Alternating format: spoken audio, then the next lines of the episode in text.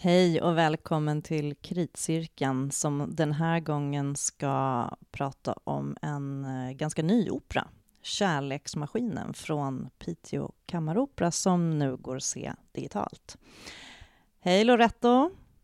Hej! Hej! Nu eh, blir det vårt favoritämne här igen. Sexrobotar. Ja, sexrobotar och opera. Vi går rakt på rödbetan. Pang på rödbetan. Ja, ja. Varför, eh, varför dra ut på det goda när man kan äta på det på en gång? Eller något.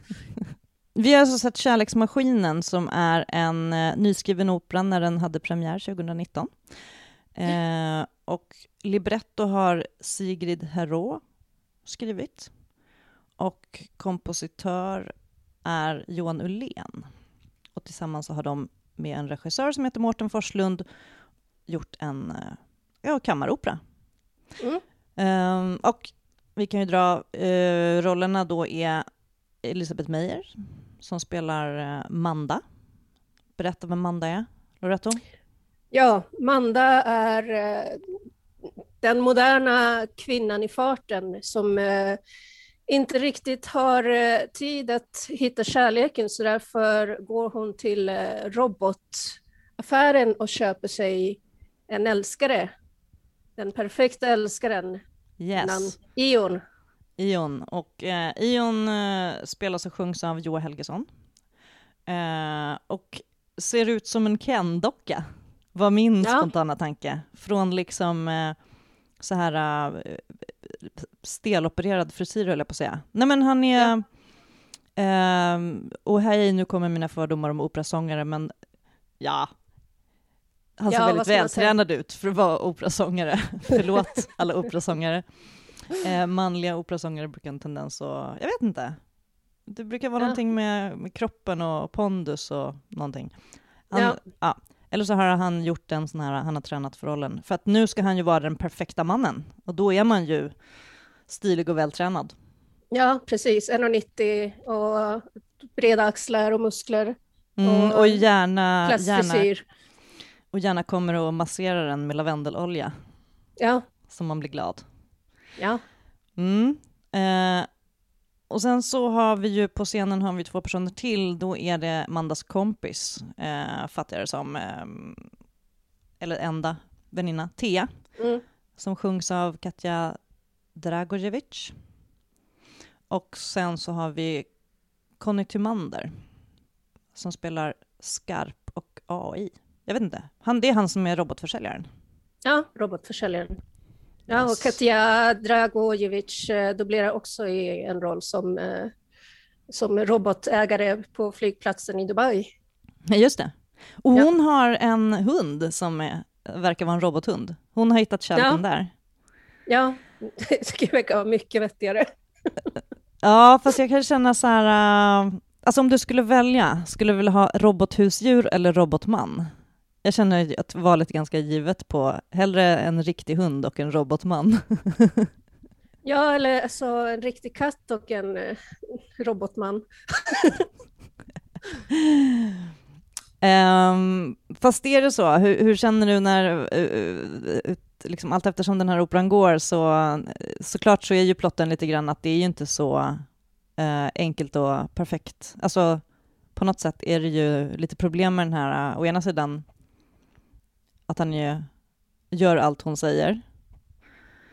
Uh, och sen så är det ju sådär typiskt för alla lite så skräckhistorier om artificiell intelligens, oron för att de här ska ta över och börja få eget liv.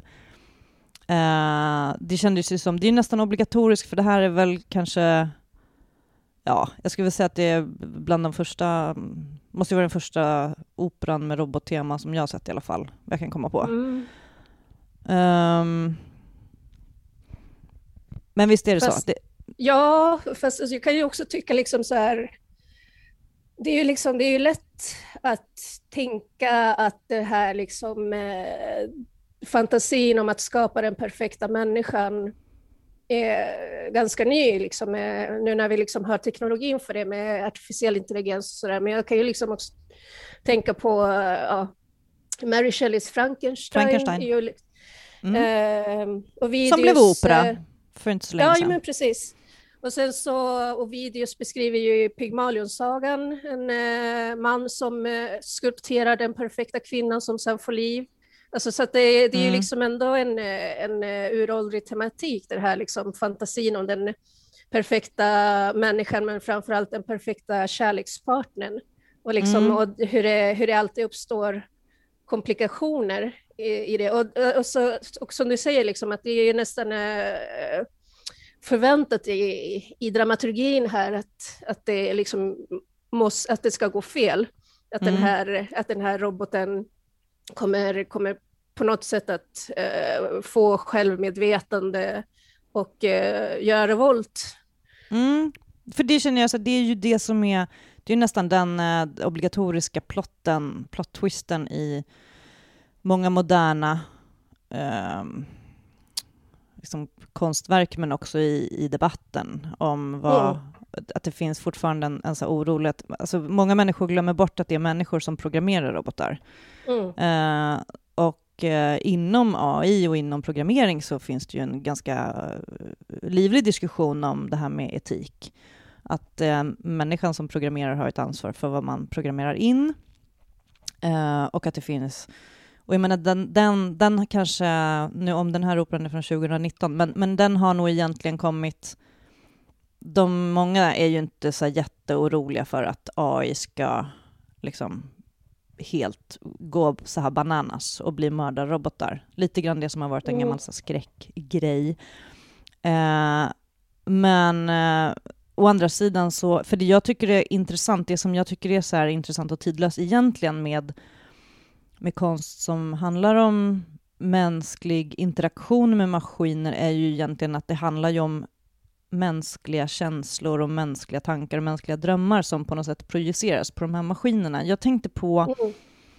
ja, men, uh, så Hoffman. Uh, dels så har vi ju operan Hoffmans äventyr uh, och den här dansande dockan Olympia mm. som är en scen som är, ja men också så handlar det om kärlek och och har dockan känslor och så. Men sen så han har ju skrivit en novell som heter Automaten.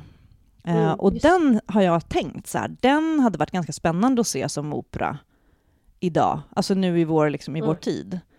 Uh, för den har också ett inslag, den handlar om, uh, den handlar om, alltså bygger på en gammal historia om en, en så talande turken som var en, en automat som visades upp för publik. Man kunde viska en fråga liksom in, i, mm. ja, in i örat eller på, på sidan av den här maskinen och eh, så hade den alla svaren och den hade liksom så här äh, läskigt eh, bra koll.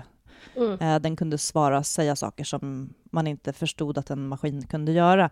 Och den är lite grann en så för, för sin tid sci-fi om, om robotar artificiell mm. intelligens, men där i finns det också, den är också, det finns ett musikaliskt tema där.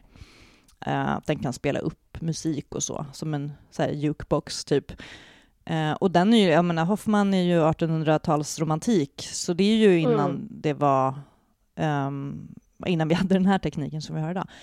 Så där har jag känt så här, där, där är lite bäddat för. Det, det skulle man kunna tänka sig som en, uh, som en opera. för det, då, nu gjorde jag en sån här lång båge, men men, men, om man ska tänka, det här är ju en opera då, på, tre, mm. nej, på fyra personer är det på scenen. Ja. Um, och det man in, alltså musikaliskt sett så, så är det ju inte, ja men det är klart att det är lite ljud som ska påminna om science fiction. Eller ja. Han ja, men lite, det här, lite det här eh, ettor och nollor, digitala ljudet som mm. är liksom ganska stereotypt, som man lyckades få fram. Mm. Men å andra sidan så är det som att, för jag tyckte att det fanns liksom ett öppet mål här, att roboten själv skulle kanske programmera egen musik. Alltså förstår du? Så här, mm. Sjunga lite mera, alltså lite det här som man vet, det som har varit de tidiga problemen med, med AI och tal, talsyntes och sådana här saker, att, att det finns en, en ja men att det, liksom, det mm. låter lite konstgjort och sådär. Men han har ju en väldigt eh, fin röst, en väldigt mänsklig röst. Ja, ja nej men precis. Nej men jag tänkte också, alltså, eh, det här liksom den, här berättelsen om artificiella eh, människor. Alltså, jag ser ju det också som en eh, projektionsyta för att definiera alltså, rent rättsligt vad en människa är för något. Alltså, mm. och, och det, den, det tematiken berörs också väldigt, väldigt hastigt i, i den här operan, eh, där man liksom pratar om att den här roboten är eh, omyndig. Och de mm. kommer till Dubai som är enda landet, landet i världen där, där robotar är myndiga. Det är, det är ju ganska roligt liksom att just Dubai av alla ställen så, så har man liksom på något sätt nått längre i mm. att till och med robotar har mänskliga rättigheter. Det är ju liksom en lös tråd som jag önskar att de hade spunnit vidare på, men nåväl. Men liksom att, att, att, att liksom hela det dilemmat hade på något sätt kunnat ges mer kött och liksom vad det är att vara människa, är det att vara besjälad? Är det, är det att liksom äga en fri vilja som går bortom den här eh, programmeringen? Och som du säger, ja, kanske till och med rent utav eh, ha förmågan att skapa bortom liksom sin, eh, sin programmering. Mm. Alltså jag har ju läst, läste nyligen en, eh, en, en, bok eller här om, som kom häromåret som heter De skapande maskinerna, eh, som är en matematiker som heter Marcus Dusatoy som har, han har skrivit den. Och han eh, är också väldigt intresserad av just musik och matematik och artificiell intelligens. Den är jätte, eh, jättespännande. Eh, men där, i den kan man lära sig ungefär hur långt, ja, hur långt utvecklingen hade kommit åtminstone då när han skrev den. Och det var ju, mm. ja den kom ju för något år sedan på svenska då. Um, men dels att det finns liksom, um, att man börjar komma till att man kan programmera AI som faktiskt får någon, alltså som på riktigt är en typ av intelligens, inte bara som... Det är ju massa saker som kallas för AI som inte är det egentligen. Mm. Alltså, det vet vi ju. Uh, men att liksom tidigare så har det varit så här att man matar in massa musik i en databas och sen så gör man ett program som tar ut någonting utifrån vad man har matat in där det, var liksom, det är liksom den, vad ska man säga, 1.0 eller vad man ska säga. Och det är ju mm. inte riktigt så att den har en, det är ju inte en egen intelligens, utan det är ju, det är algoritmer liksom. Då har man mm. gjort en, ett, skrivit en, ett, ett recept för hur den ska plocka saker. Och det kan man göra med musik och då har man gjort en massa sådana här olika typer av Bach-robotar och ja, det Just finns ju massa klassiskt och det är jättespännande. Um, men däremot så börjar det ju komma liksom de som kommer, alltså på så här, det finns olika typer av programmering, så här, antingen så programmerar man uppifrån och ner eller nerifrån och upp, liksom. men nerifrån och upp är då den här som liksom själv börjar växa och organiskt liksom spinna ut. Och det hade man ju så här, på något sätt så här, ah, någon, det hade varit lite roligt om det hade varit åtminstone något, någon sån scen i den här operan. Mm. Sen kanske det det kanske är helt enkelt så att det finns delar av den här, eller librettot kanske en AI har spottat ur sig vad vet vi? Det, så mycket har inte jag fördjupat mig i. Men jag mm. tror inte det. I så fall hade det varit en typisk USP liksom, i marknadsföringen. Ja. Och eh, eftersom de inte har nämnt det så tror jag inte att det är så. Utan den är, den är skriven för mänsklig hand. Men också att det inte finns riktigt det här... Nej men alltså skulle maskiner... Ja, skulle maskintemat gå fullt ut så hade det varit kul om det var så pass up to date. Liksom. Ja, jo men precis, för att alltså, alltså det, det, finns ju liksom den här, den här typiska dramaturgin där roboten eh, gör uh, revolt mot sin mänskliga härskare. Mm. Och den är ju liksom, och den är ju typisk, men, uh, men i den här, liksom när, när den här roboten gör revolt så, blir, alltså, så går den ju över i någon slags toxisk maskulinitet som är liksom är, alltså direkt går att liksom jämföra med vanligt hederligt mänskligt våld i nära relationer. Alltså det blir liksom väldigt, väldigt liksom så här... Men det vet vi ju varför det är så, för det är män som programmerar. Ja, uppenbarligen. Nej, men alla, alla sådana här diskussioner om så här, um, kan AI, kan robotar bli liksom, har robotar bias? Och då är det ju lite mm. så att robotar får ju lika mycket bias och eh, fördomar som den som har programmerat den. Så att ja. jag menar, om det är så att en ansiktsigenkänning inte känner igen eh, svarta ansikten så är det för att programmeraren glömde att programmera in svarta ansikten som ja. en referens. Ja. Men, eh, men det är lite kul. Men jag tycker liksom att egentligen så finns det ju... Det finns, det hade, jag tyckte också att det fanns lite, hade funnits utrymme att göra lite mer roligt. Alltså det är ju lite så typiska sådana, ja men lite så satir över vad folk är oroliga för med robotar och vad man tror att de ska mm. vara. Och lite så typiskt att, jag menar att hon ganska snabbt kommer på att det kanske inte var, att han inte var så, det kanske inte var så kul liksom.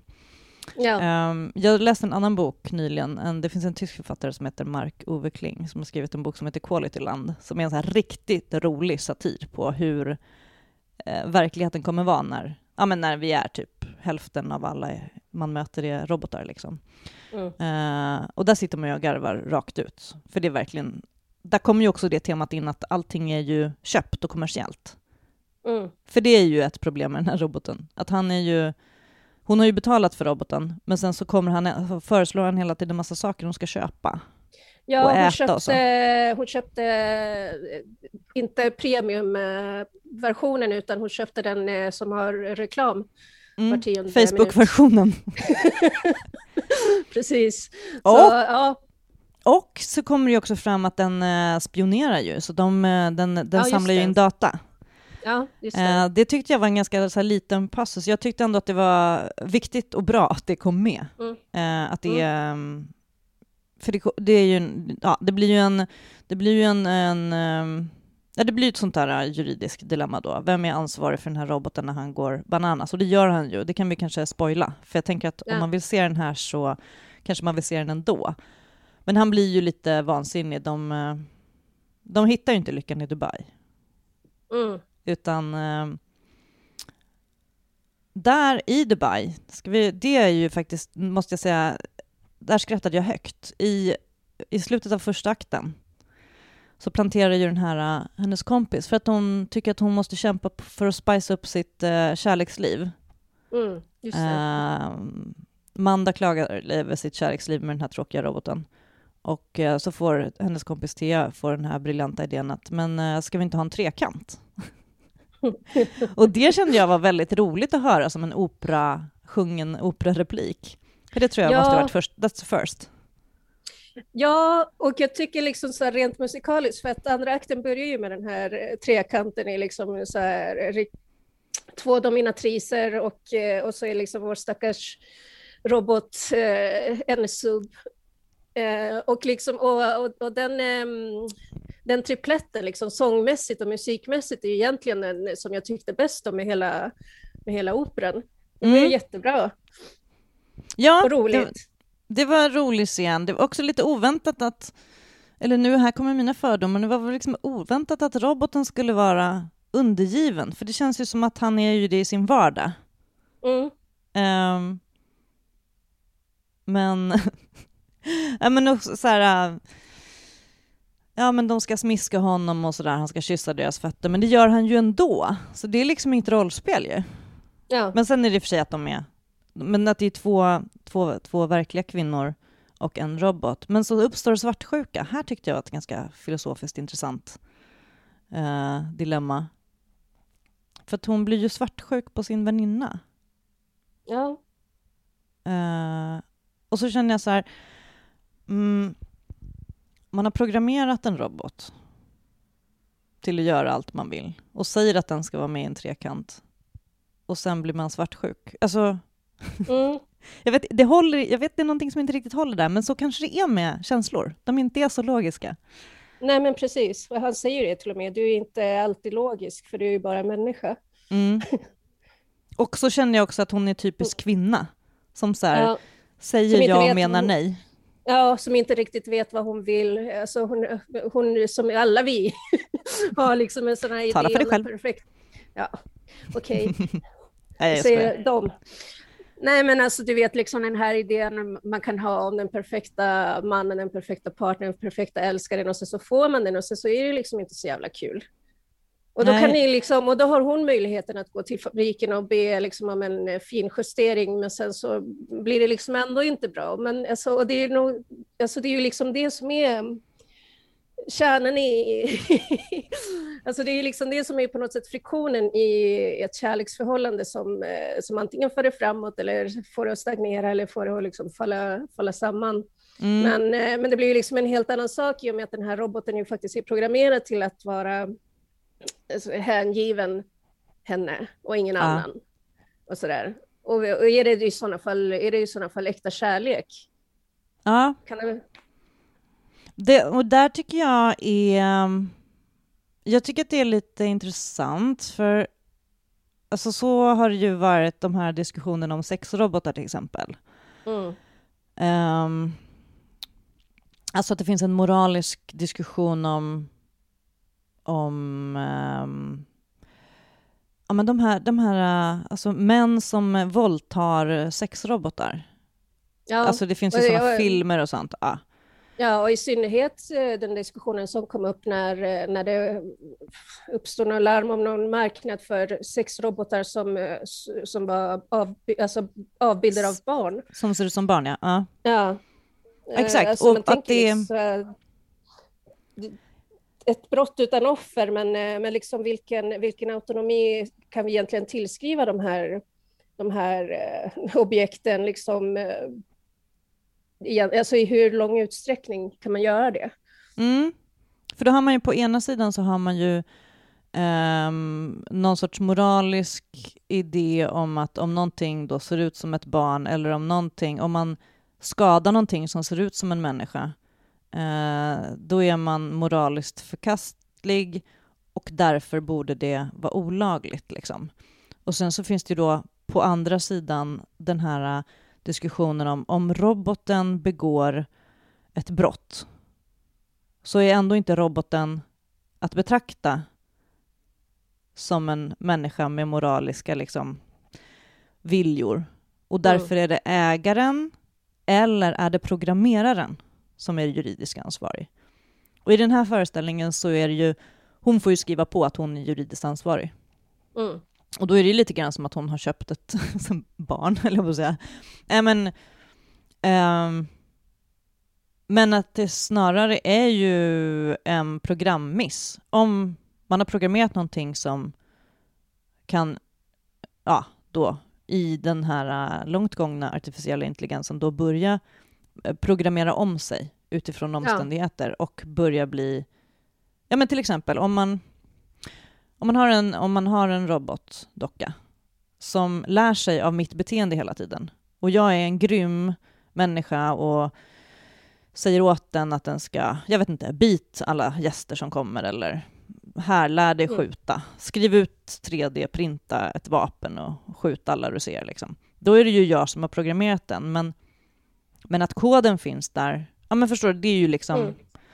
Um, att koden finns där så att det går att göra, är det den juridiska är det där juridiken ska ligga? Och där, där, där, ungefär, där ligger ju de här uh, alltså etiska diskussionerna om programkod, att man ja, men att det kanske behövs finnas en spärr redan på programmeringsstadiet. Ja, alltså den får inte bli, vad är det man brukar säga, är det, är det det som man brukar kalla för singulariteten Mm. När en artificiell intelligens blir så smart att den blir medveten om sig själv och liksom, eh, ja. Mm.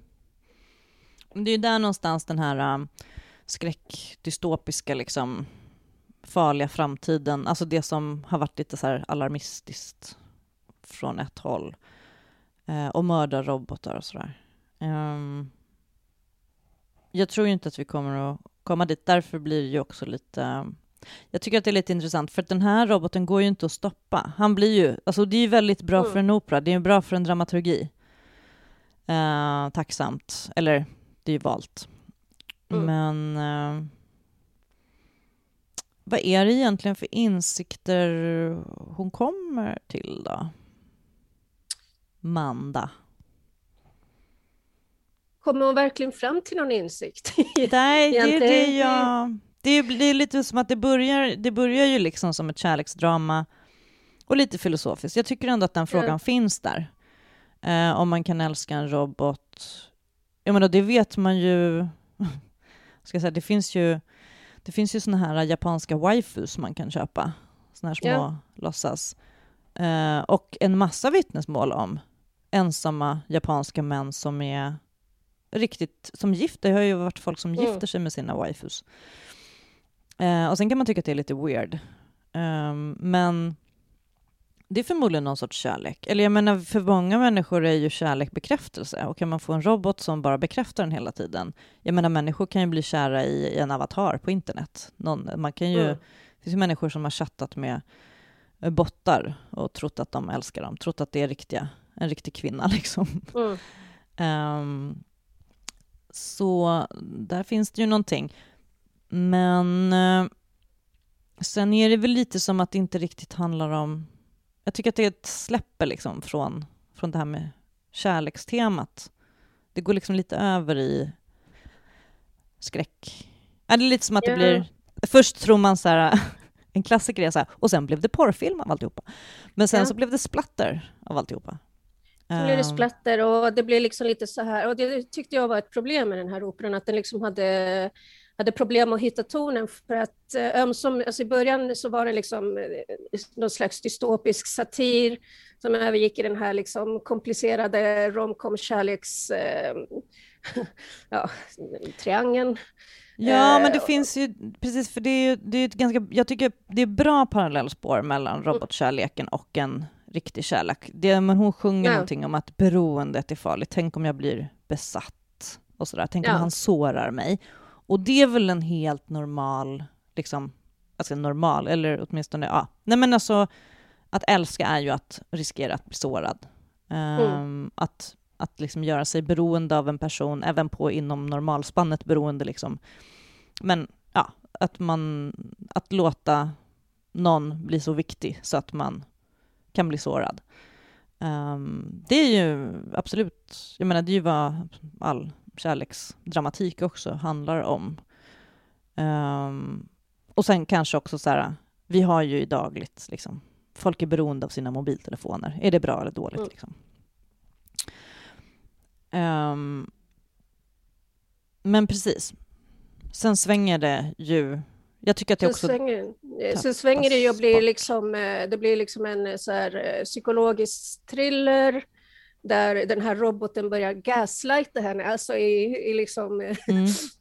sann bemärkelse och liksom så här gömmer grejer för henne och säger nej, men vadå, du måste ju vara lite, du är ju utbränd lilla gumman. Och liksom så där verkligen påbörjar ett spår i psykisk misshandel och sen som går över i fysisk misshandel. Och liksom där plötsligt så så, så tappas liksom eh, dramaturgin bort för att alltså det måste ju liksom på något sätt någonstans finnas en kongruens i vad, vad det här storyn vill säga oss. Alltså, mm. fan, alltså det här med liksom att, att den perfekta mannen i slutändan kan visa sig vara en hustrumisshandlare, det är ju ett spår som man ja. hade liksom kunnat kunnat på något sätt fördjupa eller liksom fastställa redan från början. Mm. Eller att den här, eh, att den här roboten eh, är en slags antihjälte som, eh, som finner sin mänsklighet, sin autonomi, sin vilja och liksom frigör sig från sina mänskliga härskarinnor. Det är ett annat spår, men man liksom inte, man liksom riktigt inte hittade vad man vill säga här och det tyckte jag var lite synd. Mm. Den går inte riktigt ihop. Nej. Och sen är det en ganska enkel scenbild. Orkestern sitter bakom, men jag tänkte att jag faktiskt, vi brukar alltid prata någonting om det tekniska och ljudet och mm. bilden och sådär. Eh, den här gången tittade jag på den här i min stora tv-skärm, alltså jag kopplade in liksom. den mm. sänds ju på Youtube. Uh, med, jag, eftersom jag är kvinna så har inte jag ett sånt här uh, kill surround system med uh, subwoofer och alltihopa i mitt vardagsrum. Utan jag mm. tittar, jag har en tv med tv-ljud. Uh, och hade då inte hörlurar heller. Um, och jag tyckte att ljudet var, på lyssnat så, ganska platt.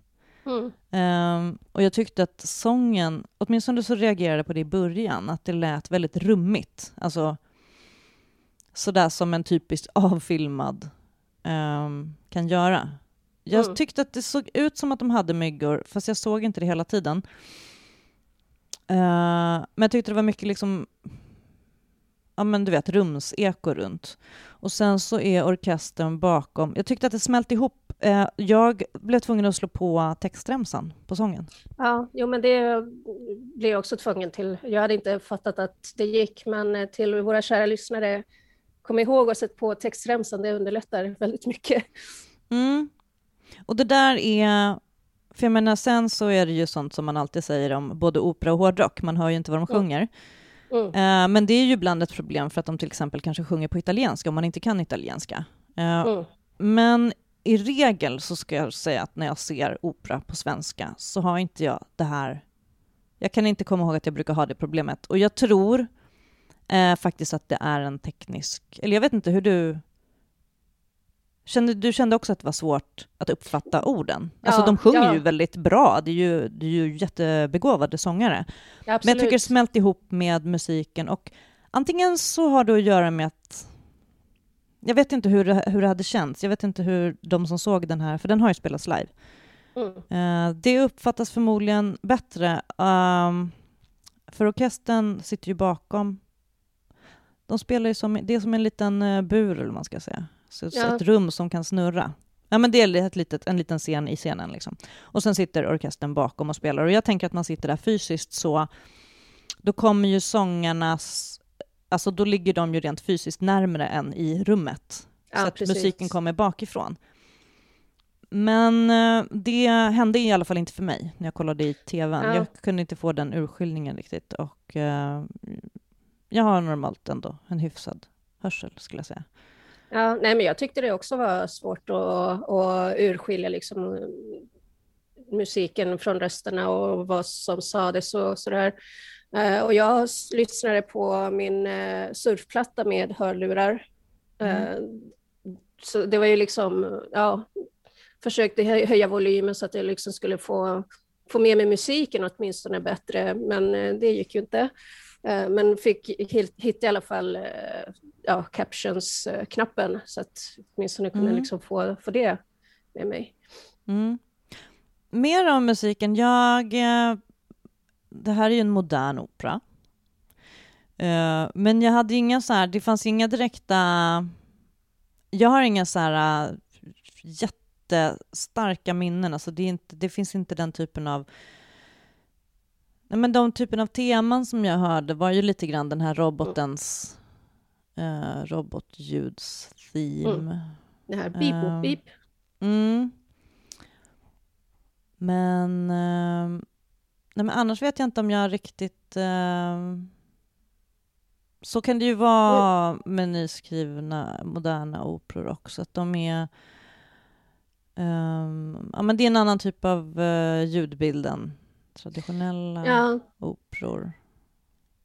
Nej, men jag kan tycka liksom att, uh, som du säger liksom med, med nyskriven opera, det här är också ett exempel på det, att, det, man liksom inte riktigt har uh, tagit egentligen ställning till vad musiken ska representera, om det liksom ska vara eh, liksom en narrativ komponent eller om det ska illustrera det som sägs eller om det liksom bara ska vara musik som ligger rakt på. Här var det liksom att musiken bara låg där. Alltså jag mm. menar den här, den här, det här manuset hade lika väl kunnat vara en, en talteaterpjäs. och ingen, och ingen hade saknat musiken. Um, tyvärr. Uh, och det, är liksom, och det är ett problem som, som nyskriven opera har oftast, liksom att man, är, man inte vet, att man liksom inte riktigt vet hur man ska positionera sig gentemot berättandet. Mm. Alltså, som vi pratade om i förra avsnittet när vi pratade om Wagner, liksom, när jag ja. gick varmt igång på hur, hur berättande den musiken är. Liksom, det är ju mils, mil, milsvida skillnader liksom, med hur, hur man kan göra som tonsättare. Eller så kan man liksom vara rent så här eh, stämningshöjande, liksom. ja, nu är det spännande så nu gör vi en liten sån här. Nu är det roligt så nu gör vi en liten sån här. Men eh, det var liksom ingenting sånt här heller. Liksom. Så att, ja. Nej, jag kände också att det, mm, och det är ju ganska dåligt betyg för en opera, att man liksom känner sig, ja, Nej men det är klart, visst, jag är en enkel själ, men jag tycker att det är nice om det finns någonting som, att det trallar någonstans i huvudet när man går ut, något man minns sådär. Mm. Men jag tycker att de sjunger väldigt, eh, det är ju väldigt kompetenta sångare. Jag tycker inte att Manda har så himla... Jag tycker att roboten nästan har mer känsloutveckling på något sätt. Alltså, ja. om man ska prata om dramaturgiska nej, men olika register liksom. Ja. Och utveckling. Det är lite som att hon från början nästan är skeptisk till det här ja. eh, robotköpet. Ja, men kanske typ, först kanske det är för att hon skäms. Um, men det blir ju liksom... Ja men, det är väl, ja, men det är ju lite sexy i början, det är det ju. Mm. Uh, men den här förälskelsefasen går över ganska fort, förväntat fort liksom. Ja. Men... Favoritcitat är ju när, eh, när han eh, ska förföra henne för första gången så säger han Du är vacker, jag är ett operativsystem. Oh. Då blir ja, man alldeles det... varm. det hade man ju fallit för som lite ja. nörd. Ja. Nej, men jag tyckte att det var kul att han var en Ken-docka, eh, eller det kanske bara jag som såg det, för att jag lekte med Barbie och Ken. Um, jag tycker det hade varit roligt om det hade funnits lite fler robotar. Uh, ja. Hon träffar ju en annan, när de är på Dubais flygplats. Mm. Då kommer en annan mansrobot som, får, som står och väntar på sin. Ja, jag tyckte, alltså gud, jag tyckte liksom dels att eh, det var ju Conny Timander där som gjorde mm. den, här, den här roboten som liksom verkligen var emaskulerad för att han, eh, hade, han behandlades ju som ett barn av sin, eh, av sin ägarinna. Eh, och liksom hur han använde sin, eh, sin röst där, sin tenor där, det var ju liksom, eh, det var ju jättetjusigt. Jag blev liksom så här, mm. åh, det här vill jag höra mer av. Men, eh, men det var ju liksom bara en idé som eh, knipsades av i, i ja, innan det hann ens blomma ut. Tyvärr. Jag tänkte på också, för jag noterade att, jag kan säga så här, om jag hade haft en mansrobot, um, säg att det här hade varit jag, vilket i och för sig, jag tror, men man måste ändå få identifiera sig ja. med scenkonst. Eh, då hade, jag, eh, då hade jag låtit honom bära väskorna, eller släppa väskorna. Jag förstod inte varför hon skulle dra sin egen, för jag menar, där kunde man väl ändå känna att om man har, om man har köpt en, en robot så kan väl han bära resväskorna liksom. Ja. Jag tyckte att det var en, det var en intressant detalj. Det var som en... Uh, själv så är jag ju, känner jag ju att jag är en jämställd människa. Men, och jag skulle liksom, men jag tycker att folk som är starkare ändå kan bära tungt. Um, eller erbjuda sig. Ja, men om man tänker liksom att hon använder ju honom som ett verktyg. Alltså, han var ju också hennes filofax mm. och, och, kalender och liksom hela, hela grejen. Så att, men gud, han har ju koll på hennes, hennes eh, järnvärden och allt möjligt. Ja. Så att, alltså, han är ju liksom ett, ett verktyg i, Ja. ja. kanske inte i första hand, men i första och en halva hand. Så, ja, ja, nej, men jag kände att det var en regimish och sen förstod jag inte ja. riktigt varför han skulle ha så himla mycket packning med sig. Eller? Han har ett hjärta av silikon. Man såg inte honom laddas heller, för det har jag sett i andra robotföreställningar där det faktiskt... Ja, men som till exempel Robin Johnsons, han dansar med ja. lilla roboten Alex den måste ju faktiskt så här, halvvägs in i föreställningen stanna mm. och ladda en stund för att uh, batteriet håller inte så länge. Uh, det tyckte jag också var en liten grann en miss. Jag hade velat mm. se vad gör han på natten? Uh, står han i någon... Ja men sådär, man vet ju själv, man mm. lägger sin telefon på laddning hela tiden. Ja. Uh, och han, uh, nej, men när hon äter, liksom. Mm. Det var kanske inte riktigt helt konsekvent där. Mm. Nej, man eh, tillåts ju för sig ana att när hon är ute och jobbar så sitter han och tittar på, vad var det, drakfiskar, alltså i mm. sitt, sin inre tv, eller vad man ska säga. Eh, ja, man kan väl liksom eh, jämföra det med egentligen att dagdrömma. Mm. Det är det man undrar vad hemmamän gör. Mm. Han kunde också skriva ut 3D-printa om hon vill ha nya skor. Mm. Där kände jag ändå så här... Potential. Ja, men kanske, man kanske inte behöver ha en mansrobot för det. Man kanske bara behöver ha... Man kanske bara 3D-skrivaren. 3D-skrivaren. Um, om man ska ta det varvet runt, om man tänker att man vill um, göra tolkningen att om det skulle vara en kritik mot så här, att män blir, ja, men som du sa, så här, av maskuliniserade. Mm. Um, om det är så här, om, om, ska, om, man skulle göra en sån här feminazi-läsning av det här, att han är helt mm. degraderad, eller liksom att nu är det här en robot, men egentligen betyder det här att manligheten håller på att bli slavar under kvinnorna, till exempel. Ja. Eh, det hade varit roligt. Alltså, man, kan ju, man kan ju leka med den tolkningen. så är det ju också att hon, de åker till den här fjällstugan och ska hitta the spark. Ja, hitta gnistan, Vilket, efter, hitta gnistan igen. efter trekanten. Efter trekanten. Men då får hon ju låna just trekant eh, Teas eh, fjällstuga. Men, eh, men det kändes som en så typisk så här, ja, men istället för bara, men vänta nu, hitta sparken igen, borde hon inte ha egentligen ha gått till, till, till, till. Här, och uppgraderat honom bara? Ja. Eller hur? Man, det känns som att man mm. borde köpa, man kan köpa till så här, typ download more spark. Ja. Buy sin app.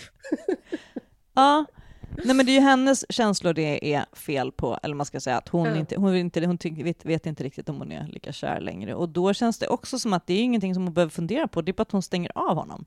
Mm. Men så det känns ju som att det blir, liksom det, det är lite för så här, att det ska vara en metafor för, för uh, vanliga relationer. Ja. Typiskt så här. Hon har ju så jävla mycket pengar också, och då gör man ja. ju sånt. Då tar man en liten resa när livet känns tråkigt. Ja, men är den sevärd då? Vad ska du säga? Ja, men det tycker jag. Alltså, speciellt i sådana här tider då folk eh, binchar den här jävla Gifta vid första ögonkastet. Se den här istället. Det är ju ungefär som matematik fast eh, med liksom ändå konstnärlig höjd på det hela. Ja, men lite så, en, till viss del så är det lite robot fast dag-tv. Ja. Fram till, skulle jag säga, ja, fram till trekanten då. Mm. För det tror jag så kanske inte är glamour riktigt. Där fick man ju aldrig se några snaskigt. Mm. Och sen då när han uh, går bananas och blir ja. vild. Varför är det egentligen han blir uh, våldsam? Ja, det är det man inte riktigt fattar, vad det är som egentligen triggar hans, uh, hans revolt. Alltså, Eller hur? Det, ja.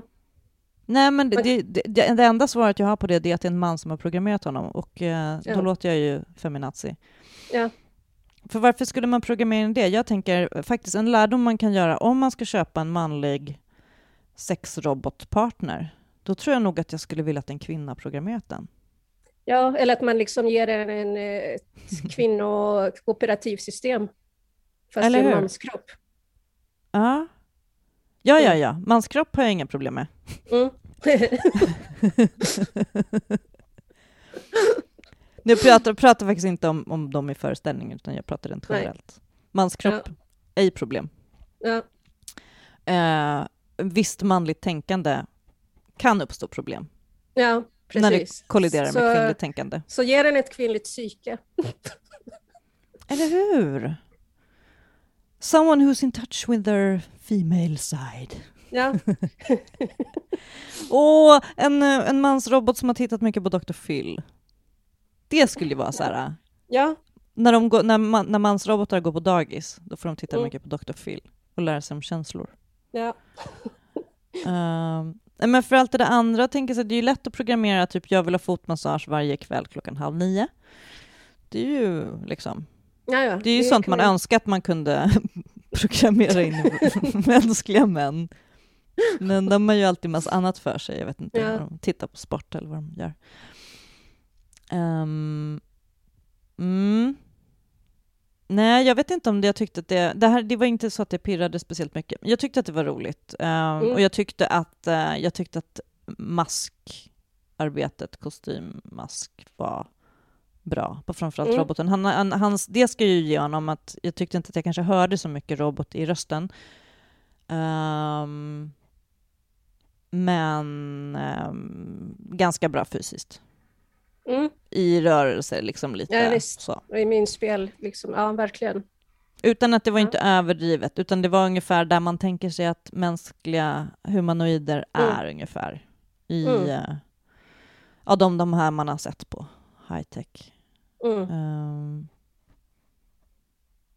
Ja, mm. jättefin kostym. Det var mycket liksom, eh, som jag kände igen eh, från till exempel Blade Runner. Alltså den här 80-talsfuturismen.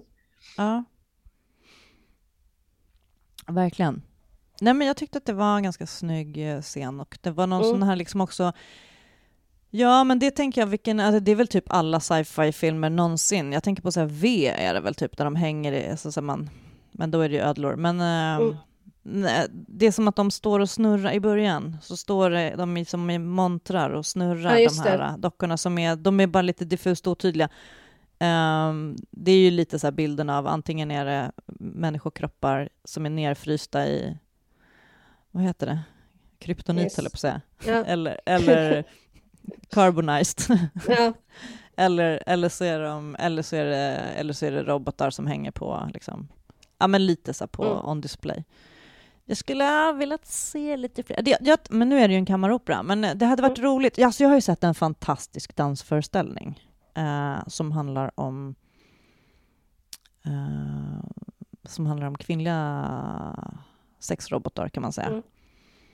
En japansk som heter Yo Kamamori.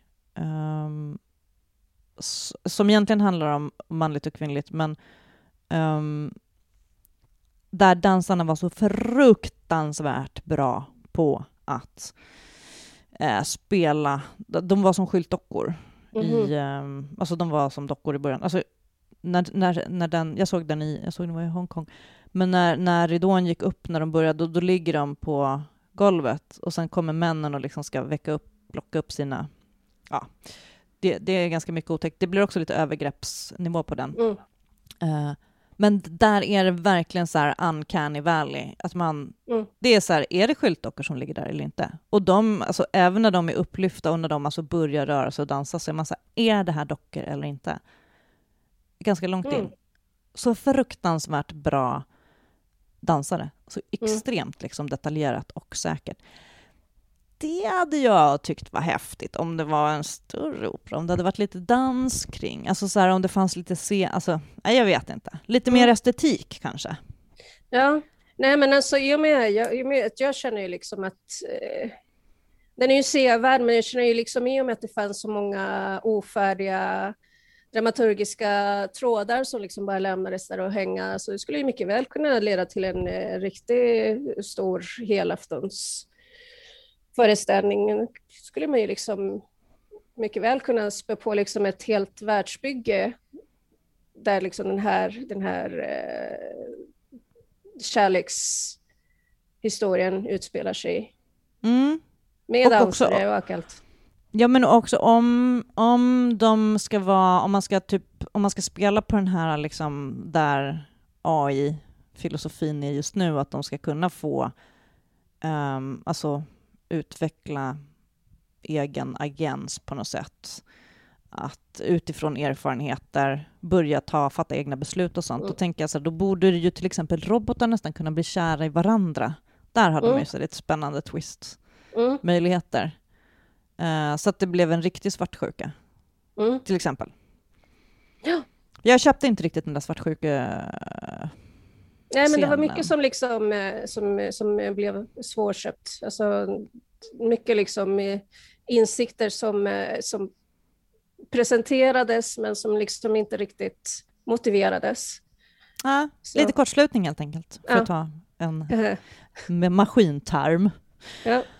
Men den i alla fall, eh, den här kan man se om man ändå är sugen efter det här gnället så ligger den på... Ja, men man kommer dit, man hittar den nog via norrbottensmusiken.se, Piteå kammaropera, eller så söker man Kärleksmaskinen på Youtube. Den ligger kvar där, kostar inget att titta på den. Mm. Slå mm. på undertexterna. Mm. Uh, finns undertexter på svenska. Uh, för den som liksom jag har lite svårt med ljud. Um, ja, men, men det kanske var allt, Loretto, för den här gången. Ja. Vi säger så. Om man eh, vill eh, få kontakt med oss så går det bra att leta upp oss i sociala medier. Eh, kritcirkeln på till exempel eh, Twitter och Instagram. Eller mejla oss på podden kritcirkeln gmail.com. Vi kommer tillbaka när vi har någonting att prata om. Tack Loretta Villalovos för din expertis. Ja, tack, tack. Tack för snack. Jag heter Cecilia Djurberg och eh, flera avsnitt av Kritiken finns ju där poddar finns. Det är bara att fortsätta lyssna, så hörs vi. Hej då!